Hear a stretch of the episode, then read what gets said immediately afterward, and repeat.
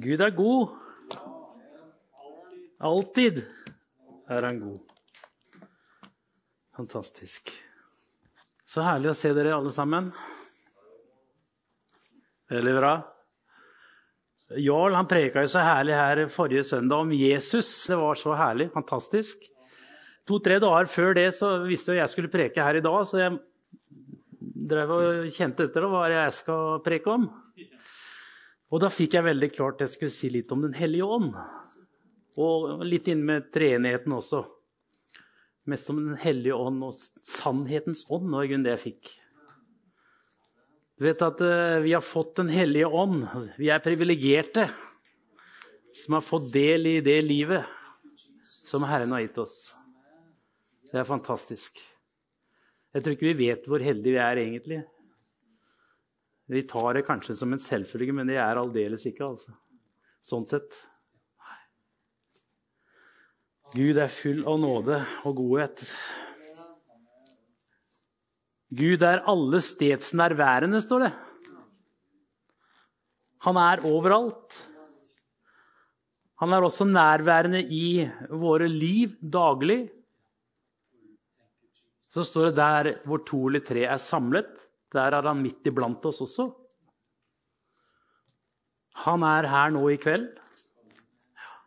Og så har vi også hans manifesterte nærvær. Det er kanskje ikke så ofte vi ser i forhold til mirakler og helbredelser som skjer når han er der, manifesterer sitt nærvær. Det vil vi se mer av, ikke sant? Ja, amen. Men det er liksom forskjellige på en måte nivåer av Guds nærvær. Men han er her i kveld med sin ånd og med sin kraft. Og alt kan skje. Amen. Og jeg tenker jo mange ganger på Jeg har helt sikkert gått glipp mange ganger av Guds nærvær, og at Gud ønsker å fortelle meg noe. Og så er ikke jeg på plass, på en måte i mitt sinn og tanker. Jeg har Den hellige ånd, vi har Den hellige ånd, men det er ikke bestandig vi hører hva Gud ønsker å fortelle oss. Midt i hans nærvær så kan det også hende at vi går glipp av en del ting. Faktisk. Hvis ikke vi på en måte er sensitive. Er, det er så mye som kan surre opp i tankene våre, ikke sant? Ja, du kjenner det, du òg? Ja, ikke sant? Det er godt ikke dere regna om det. Jesus sa til disiplene sine i Johannes 15, vers 15.: Jeg kaller dere ikke lenger tjenere, for tjenere vet ikke hva Herren hans gjør. Men jeg kaller dere venner, for jeg har gjort kjent for dere alt det jeg har hørt av min far. Det sa han det her sa han til disiplene sine før de fikk Den hellige ånd på innsida. Og jeg må jo si, kjenner meg litt igjen i dere her også noen ganger. Jesus sa 'Jeg er veien, sannheten og livet'. Ingen kommer til Faderen uten ved meg. Så sier han videre, 'Har dere kjent meg, skal dere også kjenne min far'. Fra nå av kjenner dere ham og har sett ham. Og så sier jo Philip da, 'Ja, Herre, vis oss Faderen, og det er, er nok for oss'. Han, han, hengte ikke helt med der, han heller. og Jesus ble litt overraska at han sa det der. Kjenner du meg ikke enda, Philip? Enda jeg har vært hos deg så lenge. Kjenner du meg ikke? Den som har sett meg, har sett far. Hvordan kan du da si 'vis oss far'? Tror du ikke at jeg er i far og far i meg? De ord jeg sier til dere, har jeg ikke fra meg selv. Far er i meg, i meg og gjør sine gjerninger. Og det er der vi er i dag.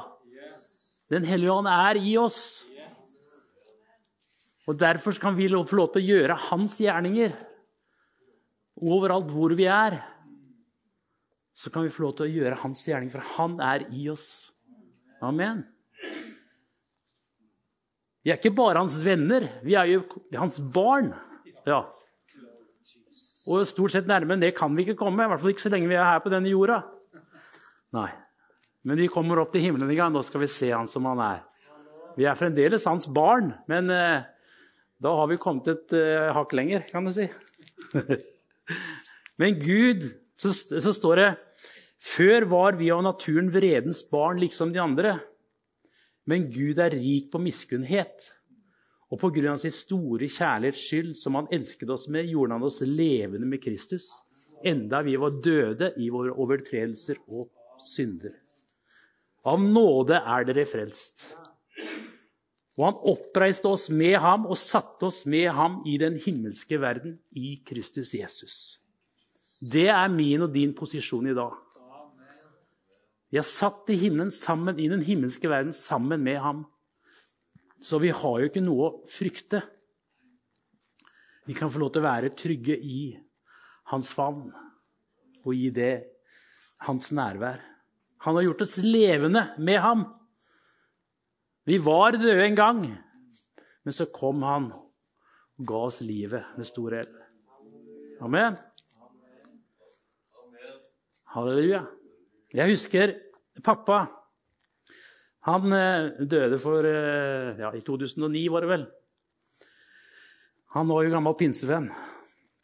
Han ble 90 år. Eh, de siste åra, i hvert fall to-tre siste åra, ble han mer og mer dement. Og på slutten så var det ikke så mye du fikk kontakt med egentlig. Han kunne si noe, kanskje noen få ord, men jeg vet ikke om han kjente oss igjen heller. Men i hvert fall så besøkte jeg han, og så begynte jeg å lese i Bibelen hans. Da skal jeg si deg gubben våkna. Han, han, han, han, sa jeg så på leppene hans, han kjente hvert ord jeg leste. Og han begynte å tale inn Den hellige ånd, altså i, i tunger. Og klappa og var helt i hundre. Ånden var aldeles ikke dement, altså. Det, så, det var så herlig å oppleve. Satte på noen sanger av Øystein og Berit, f.eks. Da var han helt i fistel. Da var det, ja, det var utrolig å se på, altså. Så det var, for meg så blei det et, eh, en åpenbaring, altså. Kjære du. Hæ? Den hellige ånd virket i han. Ånden hans den var fullt vigør. Ja. Så det her er ikke Det er virkeligheter vi snakker om i dag. Han er levende på innsida av oss. Halleluja. Johannes 14, jeg må innom det. Det tror jeg du også var innom her, eh, han søndagen litt. Eller var det kanskje 16 du var innom? Jeg husker ikke. Det var en av de to. Dersom dere elsker meg, holder dere mine bud. Og jeg vil be min far, og han skal gi dere en annen talsmann, som skal være hos dere for alltid.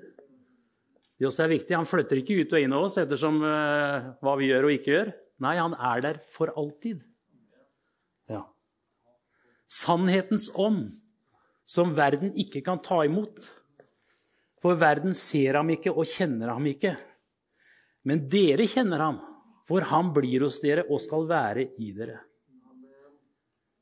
Verden kjenner ikke Den hellige ånd, sånn som vi gjør. Han er i oss, og han er hos oss. Ikke sant? Og Jesus han visste med det her to dimensjoner av Den hellige ånd i våre liv. Altså, Den hellige ånd kan vi kalle også vår personlige guide. Han er vår hjelper.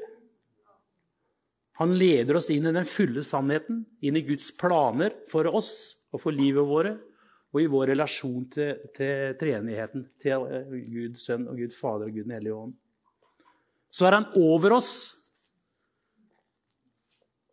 Over oss er han dynamisk, altså Guds overnaturlige kraft og salvelse. Ja. En utrustning til å utføre Guds gjerninger her på jorda. Ikke sant? Og Etter at Jesus hadde stått opp, så leser vi han var jo der sammen med disiplene sine. De var eh, redde, så de hadde bura seg inne. Og han kom, og så står det at han ånda på dem. Ta imot Den hellige ånd, sa han. Da fikk de Den hellige ånd. Etter at han hadde stått opp fra de døde. Og fra det øyeblikket så hadde Den hellige ånd flytta inn i disiplene. Jeg tror det blei en ny opplevelse for dem, og det, det, vet vi jo. Fra det øyeblikket så skjedde det noe nytt i dem. På samme måte som Gud blåste livets ånde inn i mennesket da han skapte mennesket, og det blei en levende sjel På samme måte var det at han blåste på en måte livets, livet inn i disiplene. Ta imot Den hellige ånd. Så fikk de del i det fantastiske livet. Og kraften, ikke minst. Da de ble født på ny. Og det er da det starter. Det er ut, Den hellige ånd som utgjør hele forskjellen. Og, og når vi ser på disiplene da Jesus hadde jo sagt til dem på forhånd dere skal få kraft når Den hellige ånd kommer over dere, til å være mine vitner Jerusalem, Judea, Samaria og like til verdens ende. Jeg ville tro når han sa det, så skjønte de ikke nok helt hva, de, hva det her dreide seg om. Men han hadde talt tydelig til dem. Og jeg tror de huska det etter hvert, når de begynte å oppleve ting. De fikk jo virkelig erfare det her sånn. Eh, så sa også Jesus i Johannes 15, 18 Om verden hater dere, skal dere vite at den har hatet meg først. Hadde dere vært av verden, hadde verden elsket sitt eget. Men dere er ikke av verden. Jeg har jo utvalgt dere fra verden, og derfor hater verden dere. Og det fikk de virkelig erfare. De møtte virkelig motstand da de begynte å dele ordet i, Jerusalem. De ble forhørt av Det høye rådet etter at de hadde helbreda mange mennesker. Tenk på det. Altså Mennesker som var syke, de ble friske. Lamme gikk, blinde så. Og så ble de straffa for det, liksom. Det er tydelig at det var en en, en, en eh, kamp i den åndelige verden. Ja. For verden kjenner ikke Den hellige ånd. På samme måte som han hata Jesus, så hata de også disiplene. Hata han også disiplene. Enda de gjorde gode ting, for å si det sånn.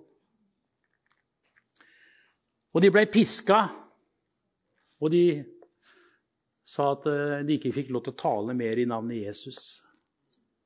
Der ser vi kraften i navnet Jesus. Får ikke tale, får ikke lov til å tale mer i navnet Jesus. De forlot rådet, står det, og så var de glade. Etter å ha blitt piska og slått, så var de glade for at de ja, ble, kunne bli vanæret for ordets skyld. For hans, hans navns skyld. Men de lot seg ikke stanse, så det. Både i tempelet og i hjemmene så underviste de dag etter dag og forkynte evangeliet om Jesus, om at Jesus er Messias. Amen. Det koster faktisk å være med Den hellige ånd på eventyr noen ganger. Det gjør det. Fordi vi vil møte motstand. Hvis vi virkelig går på den veien, så vil vi møte motstand. Det er helt naturlig, for hvis det står her, verden den kjenner ikke det greiene her. Den hater det, rett og slett. Vi har en fiende som jobber mot oss, for å si det sånn. Men han har ingen, egentlig ikke noe å, å, komme med sånn sett. Men han kan selvfølgelig lage motstand for oss på forskjellige måter.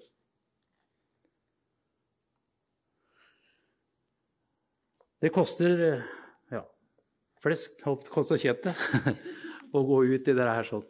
Men eh, vi skal ikke være redd for det. Han sa at 'jeg skal være med dere inntil verdens ende' skal alltid være med dere. Og de også erfarte disiplene. Virkelig. En naturlig følge av at vi har fått Den hellige ånd, er jo også at vi holder fast på Guds ord. Vi har fått Guds ånd i oss, og Gud han går jo aldri på kompromiss med sitt ord. Elsker vi Jesus, ja, da elsker vi også Guds ord. Sånn er det. Eh, disiplene spurte i vers 22 fra Johannes 14.: Herre, hvorfor skal du åpenbare deg for oss og ikke for verden? Jesus svarte, Den som elsker meg, vil holde fast på mitt ord. Og min far skal elske ham, og vi skal komme og bo hos ham. Eller ta bolig hos ham, står det. Er ikke det herlig? Når vi holder fast på Guds ord, og vi elsker ham for vi, vi holder fast på Guds ord når vi elsker ham, og da skal de, ta, de komme og ta bolig hos, hos, ham. Han sier 'vi'. Han sier ikke bare 'jeg'. Han sier hele treenigheten skal komme og ta bolig i meg og deg. bor i meg og deg.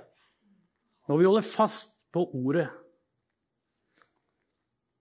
Det er en sammenheng mellom det å elske Jesus og det å elske Hans ord.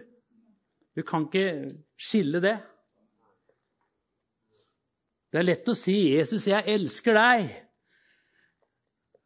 Men så er du kanskje ikke så sikker på at alt det som står i Hans ord, er, er riktig. på en måte. det er ikke alt du har kanskje tro på. Det blir feil. Det blir, blir helt feil. Etter Guds ord her. Det passer liksom ikke inn i dagens samfunn, alt det som står i denne boka her. Det gjør ikke det. Nei. Men det er like sant for det. Det er sannhet, det som står her. Ja. Så vi må holde fast på ordet. Fordi vi elsker Han som ga sitt liv for oss. Amen. Hvis du elsker Jesus, men samtidig tviler på det han har sagt i sitt ord Han sier 'Den som elsker meg, vil holde fast på mitt ord', står det. Og det er på grunn av at vi har fått Den hellige ånd. Ikke sant? For han sier videre, 'Det ordet dere hører, er ikke fra meg, men fra Far, Han som har sendt meg.' 'Dette har jeg sagt dere mens jeg ennå er hos dere.' Det er sånn til disiplene før de fikk Den hellige ånd. Og så sier han videre, 'Men talsmannen Den hellige ånd, som Far skal sende i mitt navn,' 'Han skal lære dere alt og minne dere om alt det jeg har sagt dere.' Eh, I Filipperne 2,12 så sier Paulus mine kjære, dere har jo alltid vært lydige mens jeg var hos dere. Så vær det enda mer nå når jeg er borte. Og arbeid på deres egen frelse med respekt og ærefrykt. For det er Gud som er virksom i dere, så dere både vil og gjør det som er etter Guds gode vilje. Hva er det som er Guds gode vilje? Jo, det er det som står i denne boka her. sånn. Det er Guds gode vilje. Og det han sier videre her i vers 4 Gjør alt uten murring og misnøye. Eh, vers 14 tenker her. Så dere kan være uklanderlige og rene, Guds barn uten feil midt i en vrang og villfaren slekt.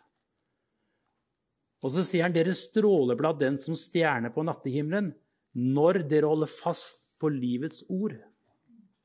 Og da skal jeg, sier Pebbles, få den ros på Kristi dag, at løpet mitt og strevet mitt ikke har vært forgjeves.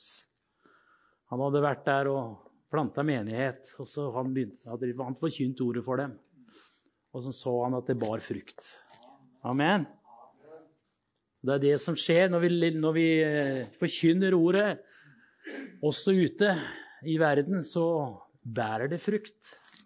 Halleluja. Det er såkorn. Et virkelig kraftig såkorn. Det er ikke noe dårlig såkorn.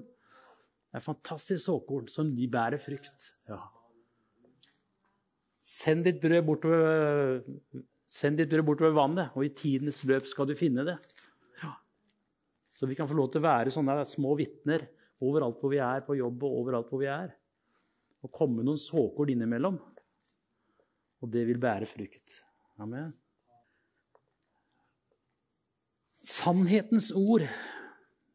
Verden tåler ikke et sannhetens ord, det er, og det er fordi de kjenner jo ikke Den hellige ånd. De kjenner ikke sannheten. Men det som på en måte kanskje er det verste, er hvis kristne også ikke på en måte kjenner sannheten. Ikke tar til seg sannheten. Eh, de holder seg ikke til sannheten. Én ting er forståelse av ordet, noe kan være på en måte vanskelig å tolke. Men det er jo Den hellige ånd som gir oss åpenbaring, og som, som fører oss til den fulle og hele sannheten i Guds ord. Og jeg opplever det, altså, Jeg skjønner ikke alt med min lille hjerne, men jeg opplever allikevel hvordan Den hellige ånd eh, Hva skal jeg si eh, Vise meg hva som er sannhet og ikke sannhet. Det, på en måte, det, ligger, det, er, det er ikke noe jeg strever med, men, men Den hellige ånd åpenbarer ting. Og den gir meg en indre, indre overbevisning, var det ordet jeg skulle fram til. En indre overbevisning om hva som er sannhet. Ja. Jeg kjenner det langt inne i ryggmargen. Ja. Og det, det er jo Den hellige ånd. i oss. Du vet, Menigheten i Efesud hadde, hadde Paulus grunnlagt. Eh, og han var der kun en liten tid, for han, også overlot han, eh, overlot han menigheten til eh, Priscilla og Aquilias. For så å komme tilbake seinere. Men i løpet av den tida før han kom tilbake, så var det mange som kom til tro. Både hedninger og jøder. Og du vet, I Efesus så var det et, et fruktbarhetstempel som heter Diana. Og der var det masse var prostitusjon og seksuell umoral. Det var liksom alt mellom himmel og jord. Og også dyrket andre guder og forskjellig. Og det er klart at disse, Og så ble jo mange av de frelst, og så var det kanskje vært da, i de greiene her. Og så, men så skrev Paulus til efeserne de kjente versene i, i kapittel 1, 17 og 18. Jeg ber om at vår Herre Jesu Kristi Gud, herlighetens Far, må la dere få en ånd som gir visdom og åpenbaring. Tenk hvor viktig det var for dem som hadde gått til de greiene her sånn. Så dere lærer Gud å kjenne, må Han gi dere lys til hjertets øyne, så dere får innsikt i det håpet Han har kalt dere til. Hvor rik og herlig Hans arv er for de hellige. Hvor overveldende Hans kraft er for oss som tror. Amen. Ja. Det er så viktig for oss alle sammen at vi får åpenbaring i Guds ord, altså. Og Den hellige ånd han er jo vår hjelper. Han fører oss til den fulle og hele sannheten. Han gir oss en indre personlig overbevisning. Og Noen ganger så kan jo også det føre til at vi sjøl blir korrigert i lys av Guds ord når vi leser. Kanskje lyset faller på, på sider av min karakter helt, eh, og mine holdninger som kanskje ikke helt uh, behager Herren. Det kan være ting i våre liv. For når, når vi lever med Ham, så, så, vil jo dette lyset noen ganger avsløre hvordan det står til med meg og deg. Samtidig så, noe, så kjenner vi ikke fordømmelse og at, bedømt, at vi blir bedømt av Gud. Nei. Det er ikke sånn. For han, han gjør det i kjærlighet. Gjør det i kjærlighet med oss. Men det er klart, enten neglisjerer vi det, eller så må vi omvende oss fra det. Og det siste er jo det mest riktige. Eller riktige. vi må omvende oss, ikke sant? En bedrøvelse og sorg leder til bekjennelse og omvendelse. Ja. Yes. Og er eh, og i den prosessen så vil vi aldri kjenne oss fordømt av Gud. Nei. For han gjør det i kjærlighet. Og det er fantastisk. Det er alltid Guds kjærlighets fulle verk i meg som gjør det. Og det er ikke jeg som må ta meg sammen heller. Men det er Den hellige ånds verk i oss. Og bare innrømme at ordet har faktisk rett. Den hellige ånd veileder oss inn i den fulle sannheten, ikke bare som en kunnskap inn i våre hoder, men den må også bli en synlig virkelighet i vår karakter. Yes. Så står det i Titus 2,11, kjent vers, for Guds nåde er blitt åpenbart til frelse for alle mennesker, og den oppdrar oss til å si nei til etter gudelig liv og verse lyster og leve forstandig, rettskaffent og gudfryktig i den verden som nå er. Så den, den eh, nåden oppdrar oss, står det. Vi er kalt til å være lys i denne verden. Både som enkeltpersoner og som menighet så skal vi være lys i denne verden. Som lyser opp for mennesker. Jeg skal lese 1. Korinterne, kapittel 13, fra vers 4 til 7. Det står om kjærligheten. Du kan også sette Gud foran disse istedenfor kjærligheten. Så kan du si Gud også. For det er en og samme sak. Gud er kjærlighet. Men det står at kjærligheten er tålmodig, kjærligheten er velvillig. Den misunner ikke, den skryter ikke, er ikke håndmodig. Kjærligheten krenker ikke, søker ikke sitt eget, er ikke oppfarende og gjemmer ikke på det onde. Den gleder seg ikke over urett, men har sin glede i sannheten. Kjærligheten utholder alt, tror alt, håper alt og tåler alt. Amen. Jarl stilte meg et spørsmål her for et par uker siden. Eh, hvem var det som reiste Kristus opp fra de døde? Ja, det står jo det er Gud, sa jeg. Det står i hvert fall det en plass også. Ja, ja, han nekta ikke på det.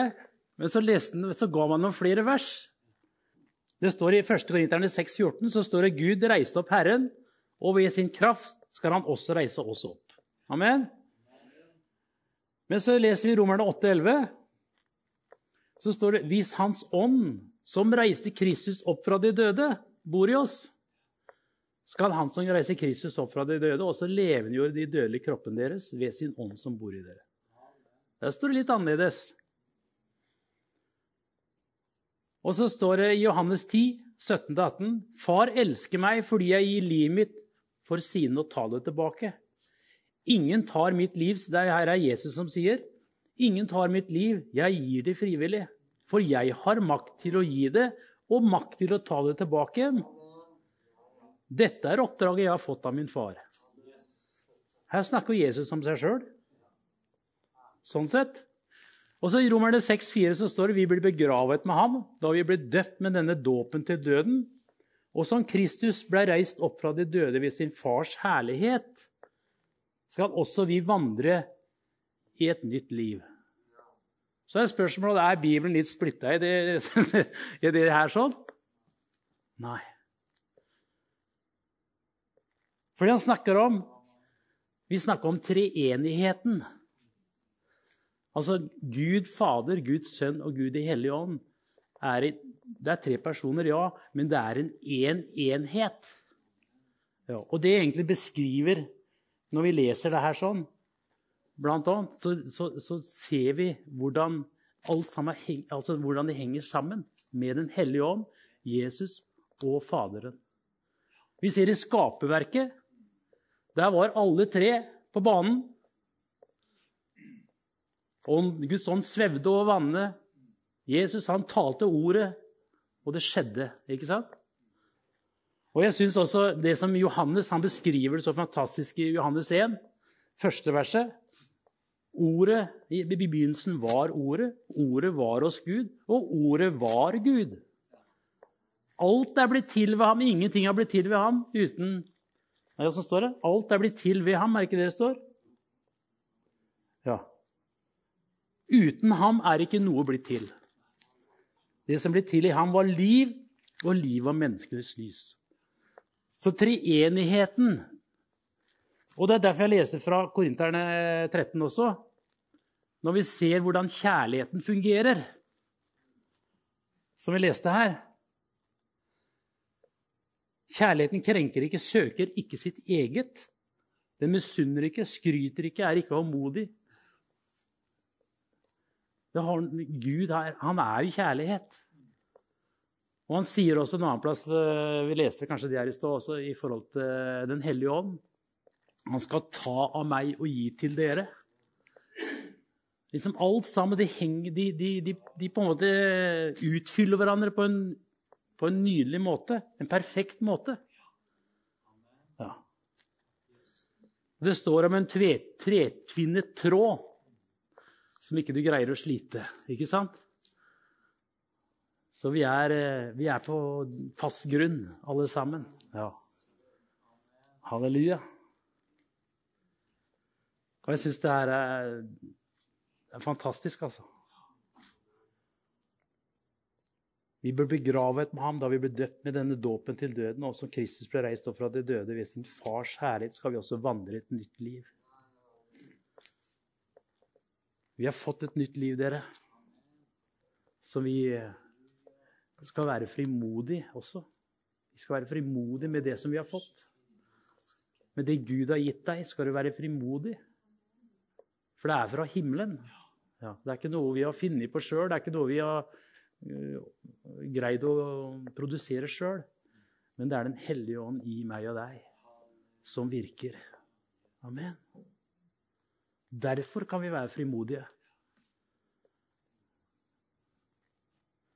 Jeg står ikke her og preker fordi jeg tror jeg har så voldsomt mye. Nei, men det er Den hellige ånd som har gitt meg et oppdrag. Ja. Og jeg, og jeg syns det er vi hadde Cato her, Cato Andersen, som sa noe som jeg virkelig beit meg merke i. Om du, er, om det, om du eh, forkynner, eller om du har en annen tjeneste. Bekjenn det ut. 'Jeg er en forkynner', eller 'jeg er en lovsanger', eller hva det er. Fordi du har en fiende som prøver å ta fra deg det her. sånn. Vil ikke at du skal ut i noe av det her. Men bekjenn det ut, så han hører det. Ja. Jeg har sjøl opplevd det her, nettopp det her, at han har prøvd å ta fra meg en tjenesten. Helt konkret for noen år siden. Men jeg fikk heldigvis hadde jeg fått en profeti flere år før, i hvert fall, ja, det var flere år før, som sa 'pass på, noen vil ta fra deg tjenesten'. Og den, på en måte, den, den huska jeg på. Og Derfor så, fikk, så, holdt jeg fast på min tjeneste. Ja. Og det var tjenestene med å jobbe med ungdom, faktisk, som var greia. Det visste jeg ikke da, men det, jeg, det skjønte jeg seinere. Ja. Så djevelen, han prøver med Han er listig. Prøver. Men han, eh, hvis vi holder fast på det som vi har fått, så har han ikke sjans. Nei. Amen. Det er så viktig altså, å holde på det som du har fått. Ikke gi deg på det. Nei. For det er Gud som har gitt deg det, ingen annen. Halleluja. Gud ønsker å bruke deg. Og han, med alt han har gitt deg Du vet, Han kjenner deg ut og inn. Han vet hva han har å deale med. Men han gikk opp for det. Nei. For han vet at den kraften som bor i deg og meg, den eh, er evig, og den er kraftfull. Amen. Halleluja. Halleluja.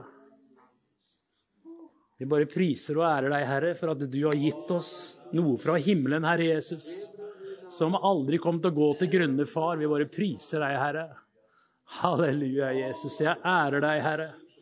Takker deg for din nåde, Herre, og din godhet mot oss, Herre. Far, takk at du var villig til å gå veien, Herre. Golgata veien, Herre, for min skyld og for alle som er her i dag, Herre. Vi bare priser og ærer deg for det, Herre Jesus. Takk at du ga ikke opp, Herre. Nei, du holdt fast, Herre, ved din far, Herre, ved den kraften som Gud ga deg. Og jeg bare priser deg for det, Herre. Halleluja. Takk at du var villig til å gå denne tornefulle veien helt alene, Herre.